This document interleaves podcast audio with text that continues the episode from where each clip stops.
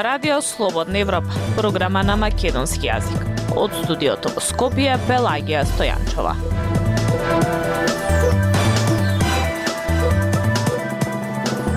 Во денешната емисија на Радио Слободна Европа објавуваме отворањето на Уставот ќе отвори и други прашања. Владата треба да одлучи за продажбата на конфискуваните станови на Мијалков. Средношколска дилема – дали да останат дома за студии или да заминат во странство. Слушајте не. Независни вести и анализи за иднината на Македонија. На Радио Слободна Европа и слободнаевропа.мк.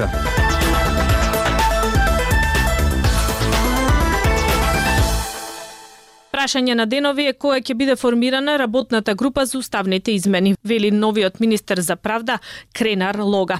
Тој вели дека е приоритет преамбулат во делот на вметнување на помалите заедници во државата, но се размислува и за други потребни измени на уставот. Марија Тумановска ја слушаме во продолжение.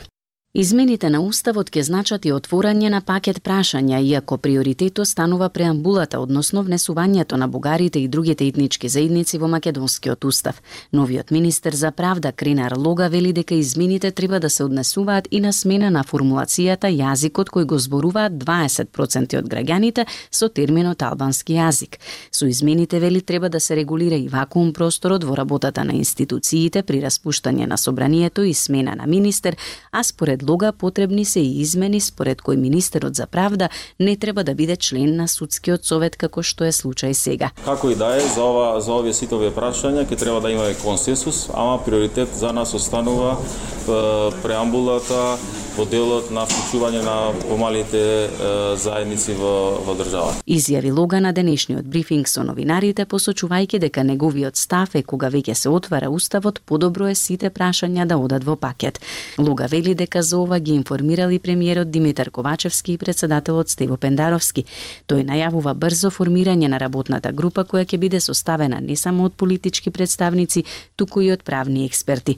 На поканата на министерот да определат свој член во работната група, па дури и председател, ВМРО ДПМН е досега не одговорила. Очекувам за опозицијата да е дел од работната група не, не само за уставните измени, туку и за изборниот законник, а исто така и за сите други работни групи врзани со реформи не само во правосудниот систем, туку и во другите области. Не се знае дали во отварањето пакетот прашања ќе влезе и уставната тужба, барање на председателката на Уставниот суд Добрила Кацарска. Министерот вели дека има поделени мислења во стручната фела дали ова треба да се регулира со Уставот или со Уставниот суд. А влизот на Македонија во Европската Унија во моментов е условено од уставните измени, односно од тоа дали во Уставот ќе бидат внесени бугарите. Професорот по уставно право Светомир Шкарич смета дека бугарите не смеат да бидат привилегирани во однос на другите етнички заедници. Во неодамнешното интервју за ТВ Телма, тој вели дека решението за малцинските заедници во Македонија треба да биде исто како и во Хрватска, која преку евроинтегративниот процес од 8 етнички заедници стигна до 20 етнички заедници на бројани во Уставот. Професорот вели дека добро би било да се движиме кон ЕУ по процедура која што ќе биде утврдена во Устав, а за тоа да се случи треба заеднички јазик и разговор меѓу домашните субјекти. Дали тоа прашање така како што е поставено може да има негативни консеквенции врз другите одредби во Уставот? Во секој случај, третманот на бугарите не може да биде привилегиран во однос на другите малцински заедници. За сега власта ја нема потребната поддршка за уставните измени, а лидерот на најголемата опозицијска партија во собранието ВМРО ДПМН е Христијан Мицкоски останува на ставот дека нема да има уставни измени во овој пратенички состав и дека бара гаранции од Европската унија за да не се случи ново вето од Бугарија. Слободна Европа. Следете на на Facebook, Twitter и YouTube. Конфискуваниот недвижен имот на поранишниот директор на управата за контраразузнавање Саша Мијалков во вредност од 15 милиони евра чека одлука од владата за да биде огласен за продажба. Рокот за да се остапи овој конфискуван имот на некоја институција е истечен. Зора Гаджовска-Спасовска. Речи си една година помина откако поранешниот прв разузнавач Сашо Мијалков и бизнисменот Јордан Камчев признаа вина за предметот Империја, каде беа обвинети за злосторничко здружување и перење пари. Помина една година откако се спогодија, а имотот кој државата им го конфискуваше се уште не е продаден. Од владата велат дека досега не е донесена одлука со која ќе се даде насока на агенцијата за конфискација на имот за да се огласи недвижниот имот кој му е конфискуван на Мијалков. Законот и дава можност на владата становите и парцелите на Мијалков да бидат дадени за користење на одредена институција без надомест, но рокот за таква одлука е еден месец и тој е веќе истечен. Вкупно 11,3 милиони евра уплатија на буџетска сметка Мијалков и Камчев по спогодбата. Но недвижниот имот и банкарските акции кои беа дел од конфискацијата се уште не се продадени. Според податоците од Агенцијата за конфискација на имот, само акциите кои државата ги поседува во Стопанска банка Битола се во процес на продажба. Нивната вкупна вредност според податоците од македонската берза денес изнесуваат 293.000 евра додека пред една година, кога и била срочена спогодбата, вредноста изнесувала 380.000 евра. На списокот од 33 имотни листови чија вкупна вредност е 15 милиони евра, а е во собственост на Агенција за конфискација на имот.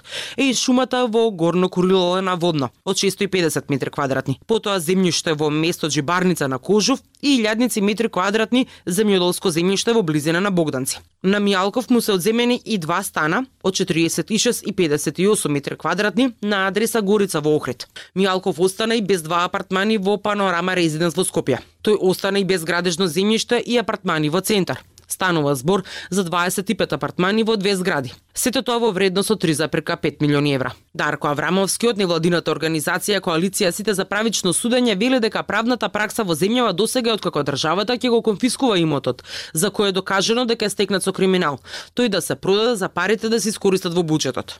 Владата треба е таа која што треба да донесе одлука за продавање на недвижноста. Откако ќе биде донесена таа одлука, агенцијата е обрзана во рок од 15 до 30 дена да ги организира јавната продажба. Меѓутоа во законот не е прецизиран рок во кој владата треба да донесе одлука за продажба на недвижноста. Додека владата не одлучи, агенцијата за тоа време мора да ја одржува вредноста на имотот, да го одржува имотот. Она што сега му остана на располагање на Мијалков по конфискацијата е куќата од милион евра, удел во хотел на плоштадот Македонија Мериот, акции во Пелагонија и Бетон Штип кој ги поседуваше преку фирмата Ексико Доел. Покрај запленетите имот акции и готовина, Мијалков доби и тригодишна казна затвор за случајот Империја. Тој призна дека е виновен за злосторничко здружување и противправно стекнување и прикривање на имот. Тој со група други осомничени ги извршувал делата преку правни лица основани во државата на кои им била прикривана собственоста, но и офшор компании во странство. Камчев во ноември излезе од затвор, откако му беа споени двете казни од пресудите Империја и плацевите на Водно во една затворска казна. Во затворот во Струга Камчев помина 4 месеци и 6 дена. Во затворот во Шутка Скопје помина месец и половина, а потоа уште 10 месеци. Останатиот период го помина во куќен притвор. Радио Слободна Европа, светот на Македонија. Подобри услови, образование и општо подобар животен стандард се работи кои превргнуваат кога некој средношколец сака да замина да студира во странство. И нив никој не може да ги предомисли. Сепак идејата за живот далеко од своите. Повеќе тога ја посочуваат како најголема мака при одлуката да се студира надвор. Емилија Бунтеска Нацаска. Ако заминам ќе биде белја, а ако останам ќе биде бетер, велат лондонските панкери клеш во нивната култна Should I Stay or Should I Go? Да останам или да си заминам? За оваа дилема дебатира и средношколците од гимназијата Орце Николов на настан организиран од ученичката организација Орце Токс, со намера младите да слушнат различни гледишта. Средношколецот Бодан Ш имал план да замине на студии надвор од Македонија заради подобри опции натаму во животот. Се предомислил откако го слушнал искуството многото на наши студенти во странство кои учествувале во дискусијата. Многу луѓе кажа дека им било тешко тоа што биле отделени од фамилија. Јас поради тоа што сум нели многу близок со мојата фамилија, мислам дека да и тешко би ми влијаело и лошо би ми влијаело на мене и на мојата ментална здравје ако сум отделен од нив. Вели младиот Бодан. Токму идејата за живот далеку од своите повеќето ја посочуваат како најголема мака за одлуката да се студира надвор. Тежината на факултетот не им е спорна, вели Лука Кадрич, еден од членовите на Орце Токс. Најмногу проблеми што neki изразија учесниците околу тоа да не се соочат со факт дека треба сами да се готват, сами да се средуваат, сами да се водат грижа за себе, без фамилија, без најблиски пријатели и условно кажано почнување на живот од нула. Тој социјален аспект на сите им беше најгорок да кажам. Вели Кадрич, а кај оние кои се решени да заминат, вели се повторуваат истите причини, како подобри услови, образование и општо подобар животен стандард. Реагира учениците на некои од исповедите на нашите ортодокси умни кои се беа на видео повик ставени кои се во странство и кои кажува некои работи кои се навидум им лице лесни на луѓето кои се мислат дека се видат туку така во странство. Истакна средношколецот од 26 средношколци кои учествуваа во дебатата, на почетокот 10 ми нарекле дека ќе си останат тука, 16 биле решени за странство. По настанот освен Бодан, ставот го смениле уште двајца, но не и Анастасија П за која студии во странство останува единствена опција. Во игра се Холандија, Словенија и Италија. Основно кога завршував, знаев дека сакам да учам во странство и решена сум за тоа поради тоа што верувам дека има многу подобри можности надвор и нашиот едукативен систем кај нас не е толку добар. Имам слушано од други дека исто така и на самиот настан збореа дека надвор многу повеќе се обрнувало внимание кон студиите, додека тука те оставаат сам на себе. Додаде 16 годишната Анастасија. Таа вели дека познава многу незини врсници кои исто така планираат да заминат надвор и веруваат дека таму ќе имаат подобар живот. Според последниот попис Македонија има 1,83 милиони жители. Ова е за 185.000 помалку од предходниот попис во 2002 година. Расте бројот на старија се намалува бројот на млади работоспособни луѓе. Ако во 2002 имало 907.000 млади по 29 години, сега се 638.000, што е за 200. 270.000 помалку. Според пописот има на 200 целосно иселени места во Македонија. Актуелности свет на Радио Слободна Европа. Крајно, десничарската влада на израелскиот премиер Бенјамин Нетанјаху се соочува со повеќе протести и генерален штрајк поради плановите на властите да направат ревизија на правосудниот систем. Нетанијаху требаше да и се обрати на нацијата на 27 март, еден ден откако го разреши својот министер за одбрана, пошто избувнаа масовни протести. На 27 март најголемата унија на синдикати во земјата повика на штрајк. Преседателот на Израел, Исак Херцог, повторно побара итем прекин на пакетот реформи, заради како што вели, единство на народот на Израел. Во име на единството на израелскиот народ, во име на одговорноста ве молам веднаш да го запрете законодавниот процес, напиша преседателот на Израел на Твитер во апел до екстремна десничарската коалицијска влада на премиерот Бенијамин Нетанијаху. Коалицијските партнери на Нетанијаху повика владата да продолжи со судските реформи.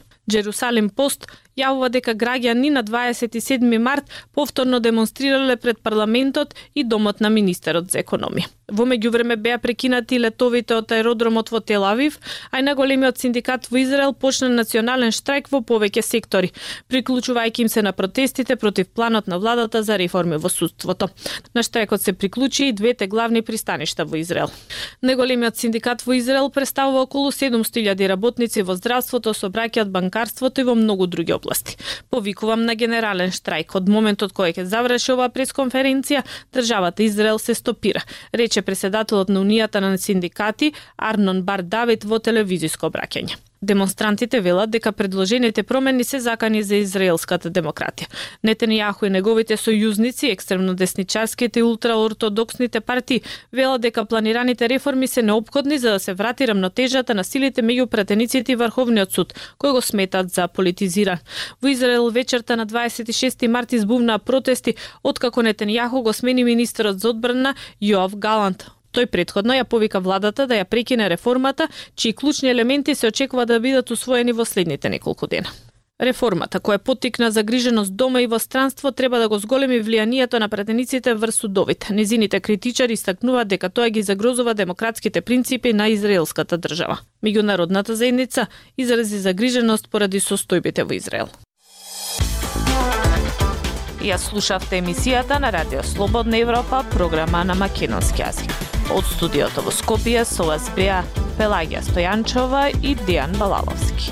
До слушање.